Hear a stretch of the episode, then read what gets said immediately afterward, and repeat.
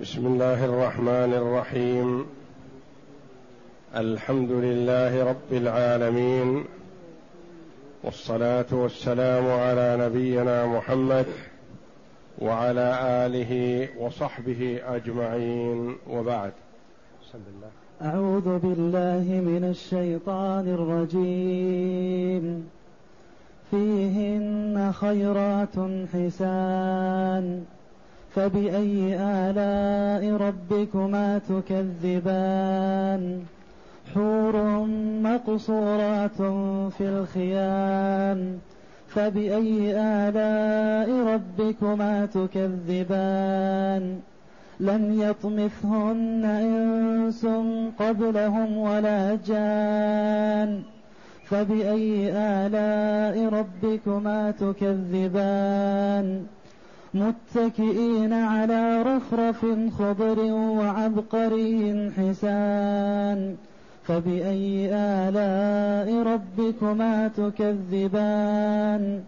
تبارك اسم ربك ذي الجلال والإكرام.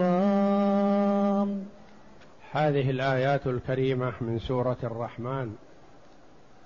جاءت بعد قوله جل وعلا ومن دونهما جنتان فبأي آلاء ربكما تكذبان؟ مدهامتان.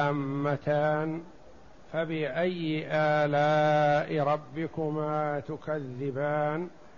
فيهما عينان نضاختان. فبأي آلاء ربكما تكذبان؟ فيهما فاكهة ونخل ورمان فبأي آلاء ربكما تكذبان؟ فيهن خيرات حسان. الآيات. تقدم الكلام على قوله جل وعلا ومن دونهما جنتان.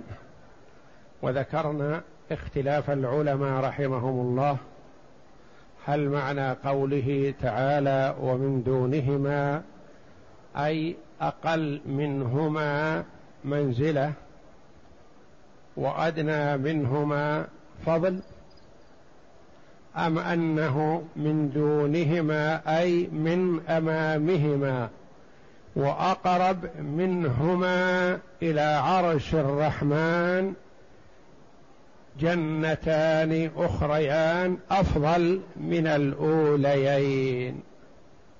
فقال بعضهم الأوليان أفضل وقال بعضهم الأخريان أفضل لأنهما أقرب إلى عرش الرحمن جل وعلا. وفي قوله جل وعلا فيهن خيرات حسان. فيهن خيرات حسان. خيرات قرأ الجمهور بالتخفيف وتسكين الياء. خيرات. وقرئ بالتشديد. خيرات. خيرات وخيرات. وخيرات مفرد خيرة. يقال امرأة خيرة وامرأة شرة تقابلها.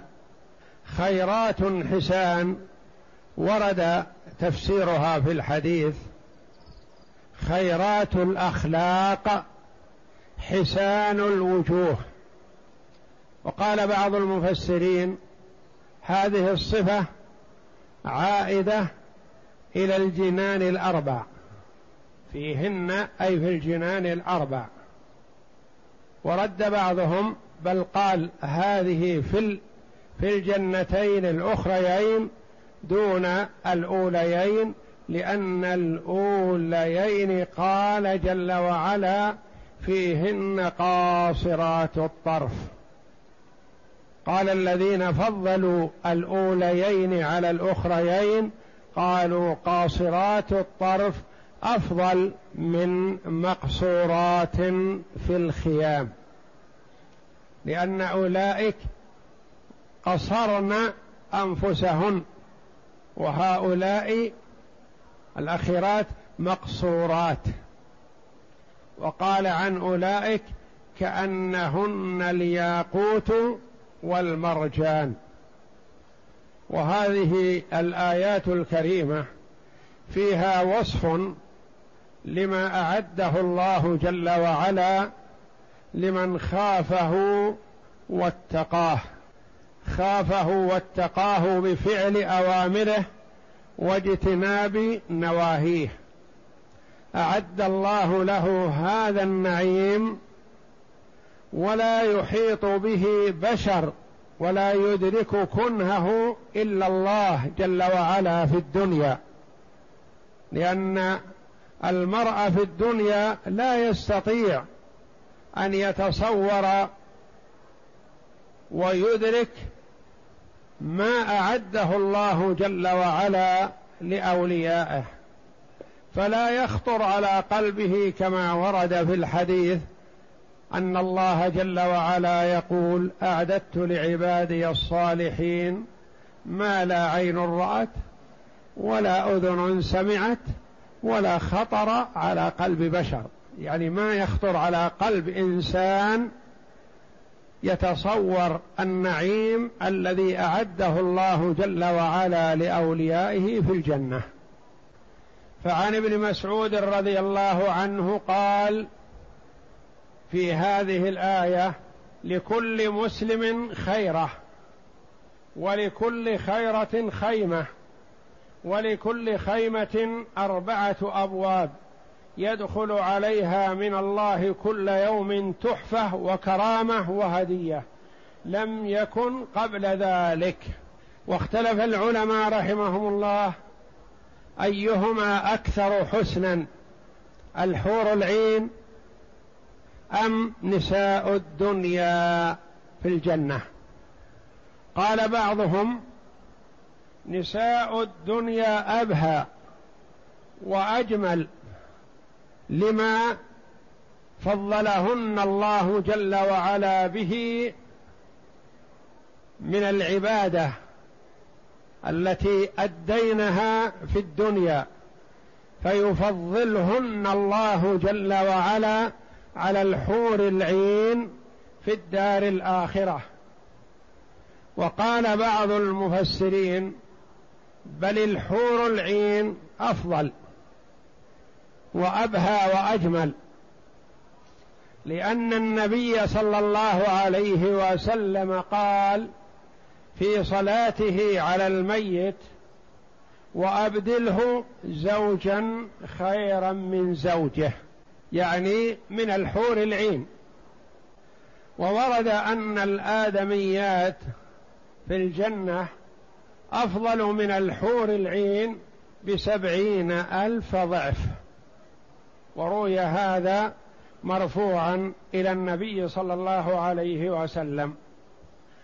وقال بعض العلماء إن الحور العين في الجنة المذكورات في هذه الآيات هن المؤمنات في الدنيا زوجات الأنبياء والصالحين من عباد الله.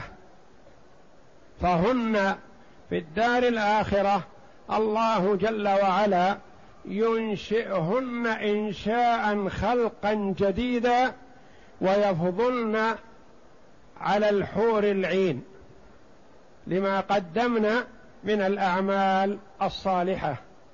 قال بعضهم المشهور أن الحور العين لسن من نساء أهل الدنيا وإنما هن مخلوقات في الجنة. لأن الله جل وعلا قال لم يطمثهن إنس قبلهم ولا جان.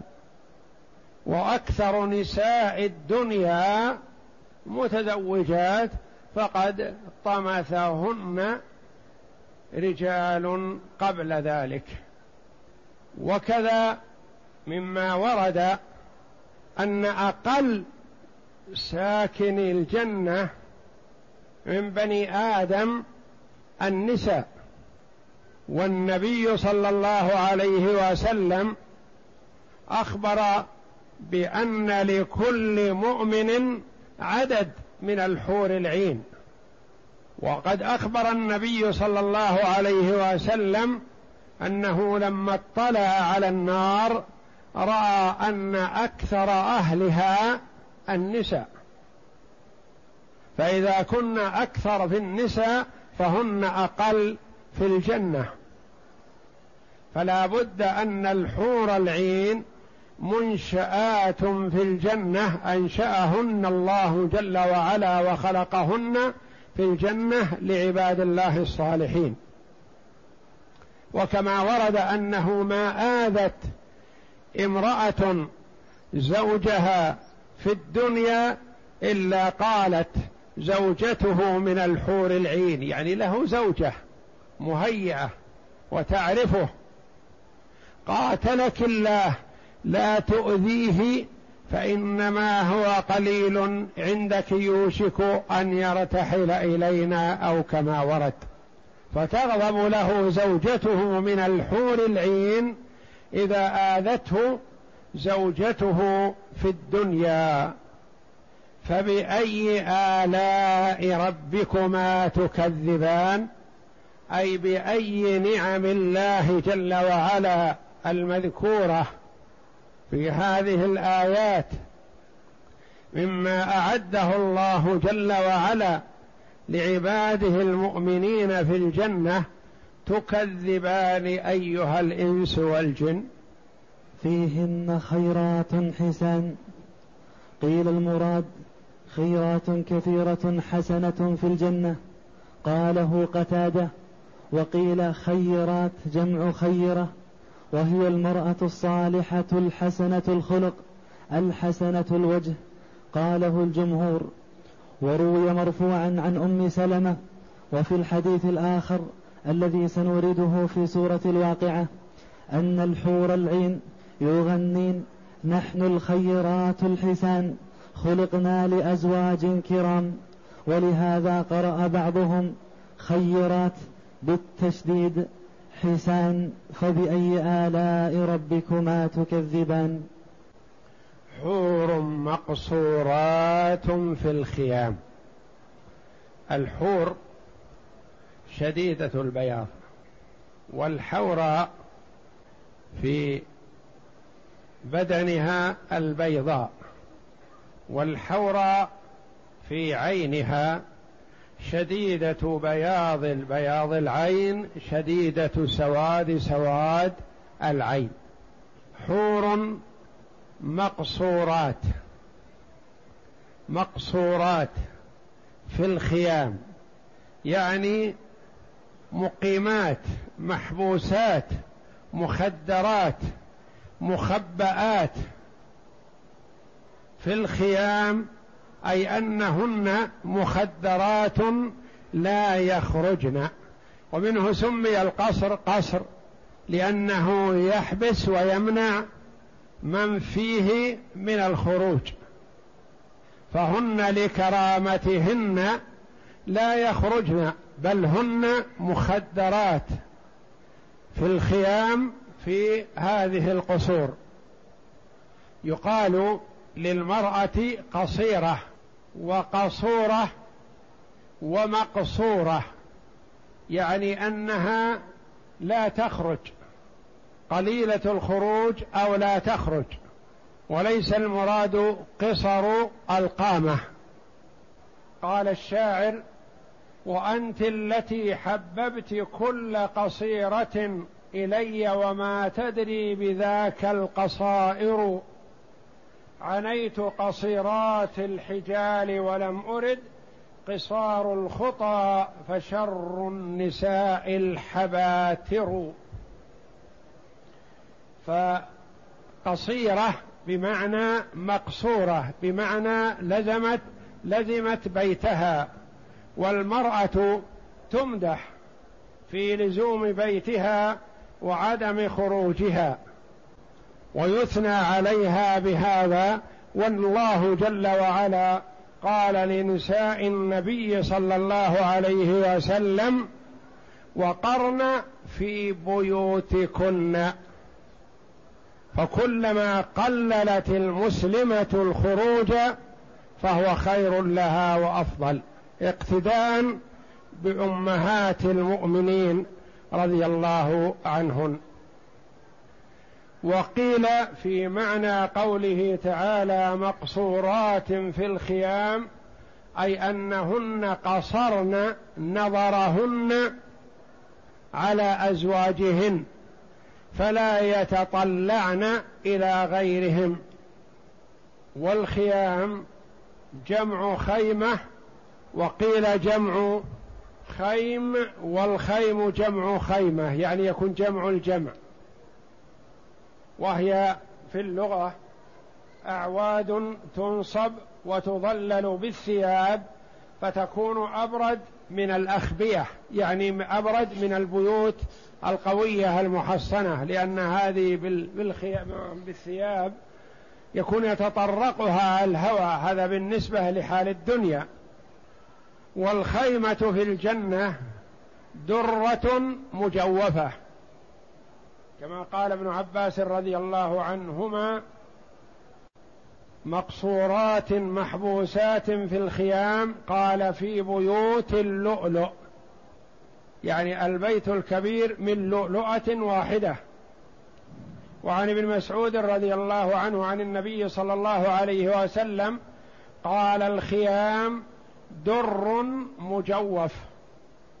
يعني الخيمة في الجنة من درة. واحدة مجوفة وأخرج البخاري ومسلم وغيرهما عن أبي موسى الأشعري رضي الله عنه عن النبي صلى الله عليه وسلم قال الخيمة درة مجوفة طولها في السماء ستون ميلا.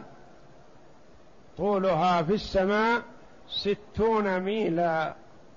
والميل مسافته المعروفة كيلو وستمائة متر يعني كيلو وستة من عشرة. فالعشرة كيلو ستة عشر ميل. عشر ميل ستة عشر كيلو لأن الميل أكثر من الكيلو بستة من عشرة.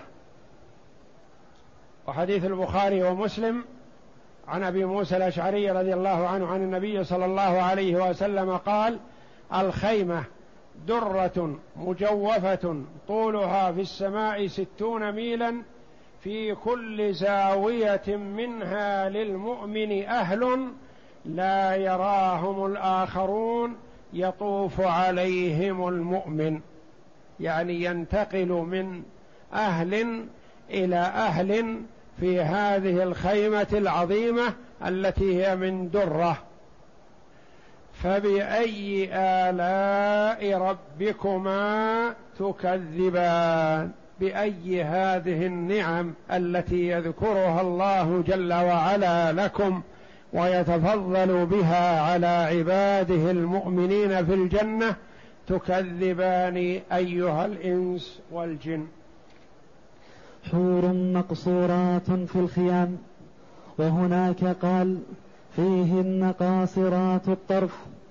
ولا شك أن التي ولا شك أن التي قد قصرت طرفها بنفسها أفضل ممن قصرت.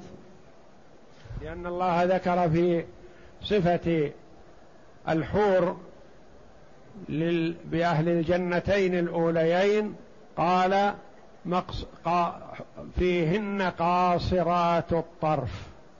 فتلك قاصرة طرفها وفي هاتين الجنتين قال مقصورات في الخيام يعني قصرن هذا مما استدل به بعض العلماء على أن الأوليين أفضل من الأخريين. وقال هناك فيهما عينان تجريان تجري. وقال هنا فيهما عينان نضاختان والنضاخة الفوارة والتي تجري قالوا أعظم من الفوارة.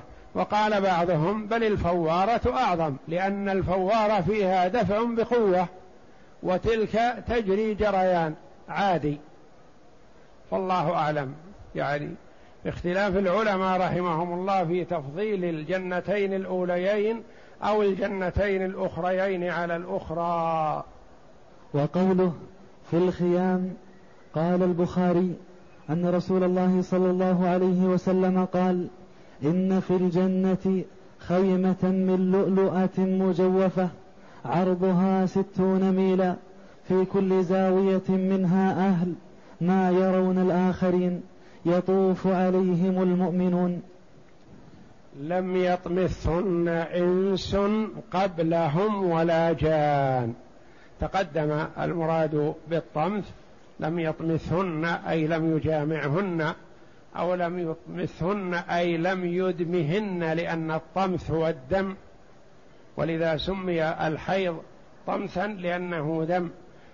والدم يخرج عند البكارة طمث أي لم يمسهن ولم يباشرهن ولم يجامعهن قبل أهلهن وذويهن في الجنة إنس ولا جان أي أنها أنشئت في الجنة انشاء نعم. لم يطمثهن إنس قبلهم ولا جان قد تقدم مثله سوى إلا أنه زاد في وصف الأوائل بقوله كأنهن الياقوت والمرجان. فبأي آلاء ربكما تكذبان؟ فبأي آلاء ربكما تكذبان؟ بأي هذه النعم التي يقص الله جل وعلا عليكم مما أعده الله جل وعلا لأوليائه في الجنة تكذبان أيها الإنس والجن؟ فيقال لا بشيء من نعمك يا ربنا نكذب. متكئين على رفرف خضر وعبقري حسان. قرأ جمهور المفسرين متكئين على رفرف بالإفراد. وقرئ رفارف متكئين على رفارف على الجمع. وقرئ خضر بضم الخاء وإسكان الضاد. وقرئ بضم الخاء وضم الضاد أي خضر. والرفارف البسط وقيل الأثواب. وقيل المحابس. والمحابس جمع محبس على وزن مقعد والمراد بها ثوب ناعم يطرح فوق الفراش يكون هو الموالي لجسم النائم عليه. ثوب يطرح على ظهر الفراش للنوم عليه كما يعبر عنه عندنا بشرشف ونحوه. متكئين على رفرف خضر. وقال الترمذي رحمه الله رفرف كلمة رفرف مثل ما يقال رفرف الطائر أي حرك جناحيه.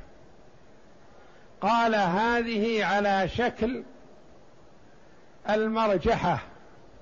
يكون فيها عبد الله المؤمن وأنيسته زوجته.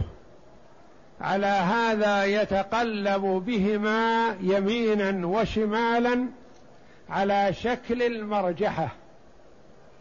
ينقلهما من مكان إلى مكان على سبيل الاستئناس والتنقل والتنزه في هذه الحركة. هذا قاله الترمذي رحمه الله. وقيل الرفرف هو رياض الجنة. وقيل الرفرف الوسائد والطنافس يعني التي يتكأ عليها.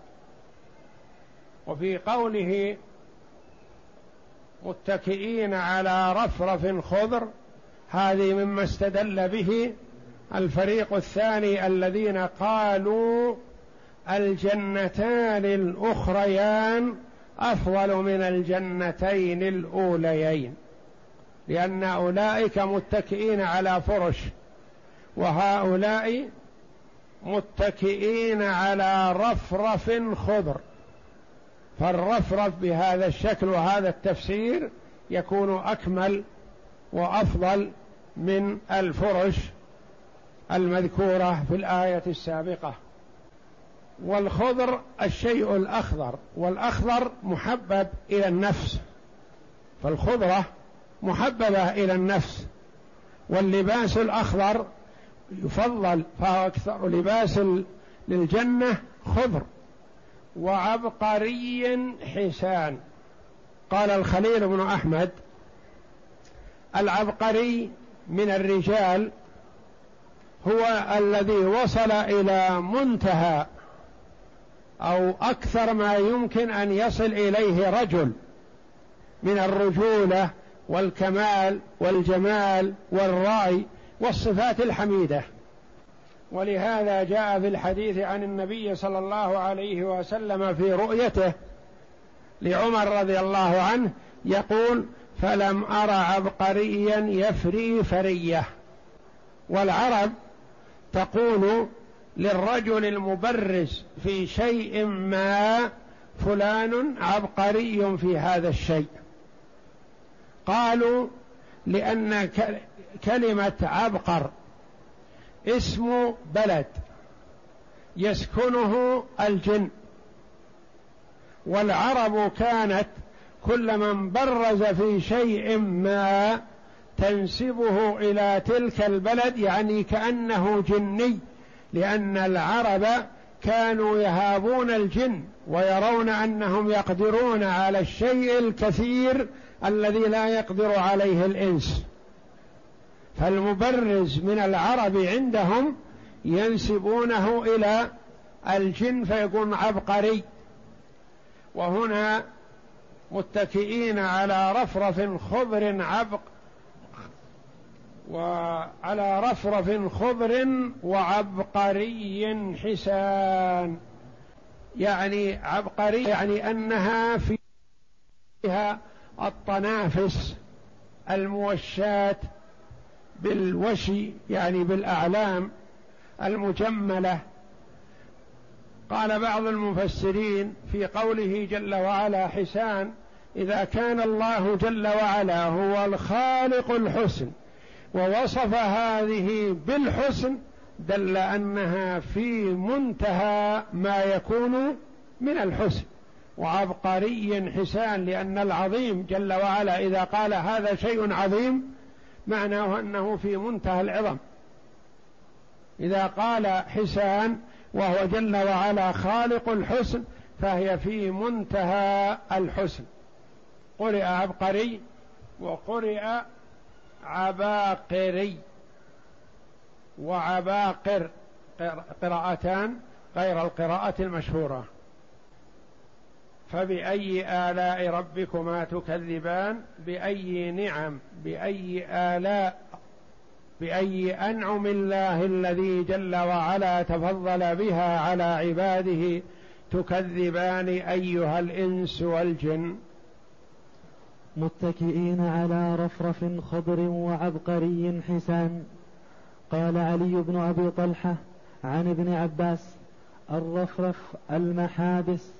وكذا قال مجاهد وعكرمة. المحابس كما تقدم هو الغطاء والثوب المجمل المنعم الذي هو ناعم يوضع على الفراش. نعم. وقال العلاء بن بدر الرفرف على السرير كهيئة المحابس المتدلي. وقال عاصم الجحدري متكئين على رفرف خضر يعني الوسائد وهو قول الحسن البصري. وقال أبو داود الطيالسي متكئين على رفرف خضر قال الرفرف رياض الجنة. وعبقري حسان قال ابن عباس وقتاده والضحاك العبقري الزرابي وقال سعيد بن جبير هي عتاق الزرابي يعني جيادها. وسئل الحسن البصري عن قوله وعبقري حسان فقال هي بسط أهل الجنة. تبارك اسم ربك ذي الجلال والإكرام. تبارك تعاظم وتقدس ذو العظمة والجلال والكبرياء سبحانه وتعالى ذي الجلال والإكرام قراءة الجمهور هنا بالجر وهناك بالضم بالرفع تبارك اسم ربك ذو الجلال والإكرام الذي في وسط السورة وهنا بالجر. وقرئ هذا بالرفع على أنه صفة للاسم. فإذا كان ذو الجلال صفة لربك فهو يقرأ بالجر وإذا كان صفة للاسم فهو يقرأ بالرفع. تبارك اسم ربك ذو الجلال. والقراءة هناك القراءة المشهورة بالرفع وفي هنا المشهورة بالجر وقرئ هنا بالرفع تبارك اسم ربك ذو الجلال والإكرام. وتقدم سبق أن قلنا إن كلمة تبارك لا يصح أن تطلق إلا على الله جل وعلا لأنه هو الذي يهب ويعطي البركة وهو جل وعلا الذي يبارك في الأشياء. وأما الآدمي فلا يصح أن يقال عنه تبارك علينا بكذا كما يقول بعض العامة. وإنما يقال فلان مبارك فلان مبارك. ولا يقال تبارك علينا فلان لأن كلمة تبارك جاءت في القرآن العظيم لله جل وعلا. تبارك الذي نزل الفرقان على عبده ليكون للعالمين نذيرا. تبارك الذي بيده الملك وهو على كل شيء قدير. تبارك الذي جعل في السماء بروجا وجعل فيها سراجا وقمرا منيرا.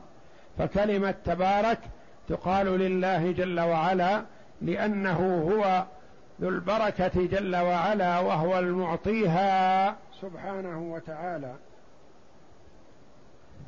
ويقول هنا وتبارك تفاعل من البركة قال الرازي وأصل التبارك من التبرك وهو الدوام والثبات ومنه برك البعير يعني كلمة برك من الثبوت والدوام يقال برك البعير بمعنى ثبت.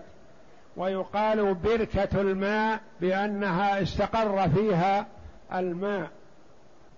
والمعنى دام اسمه وثبت أو دام الخير عنده وثبت لأن البركة وإن كانت من الثبات لكنها تستعمل في الخير أو يكون معناه على وارتفع شأنه. وقيل معناه تنزيه الله جل وعلا وتقديسه. وهذا التنزيه إذا كان للإسم فما ظنك بذاته جل وعلا. وعن عائشة رضي الله عنها قالت كان رسول الله صلى الله عليه وسلم إذا سلم من الصلاة لم يقعد إلا مقدار ما يقول اللهم أنت السلام ومنك السلام تباركت يا ذا الجلال والإكرام. والوارد هذا اللفظ تباركت يا ذا الجلال والإكرام. يخطئ بعض الناس فيقول تباركت وتعاليت. وإن كان معنى تعاليت صحيح لكنه لم يرد في هذا الموطن. وإنما ورد تباركت يا ذا الجلال والإكرام. وعن ثوبان رضي الله عنه قال كان رسول الله صلى الله عليه وسلم إذا انصرف من صلاته استغفر ثلاثا وقال اللهم أنت السلام ومنك السلام تباركت يا ذا الجلال والإكرام. أخرجه مسلم. فكان النبي صلى الله عليه وسلم يأتي بهذا الثناء على الله جل وعلا في نهاية الصلاة عندما يسلم كان لا يبقى ويقعد مستقبل القبلة إلا بمقدار ما يستغفر الله جل وعلا ثلاثا. يقول أستغفر الله أستغفر الله أستغفر الله. ثم يقول اللهم أنت السلام ومنك السلام.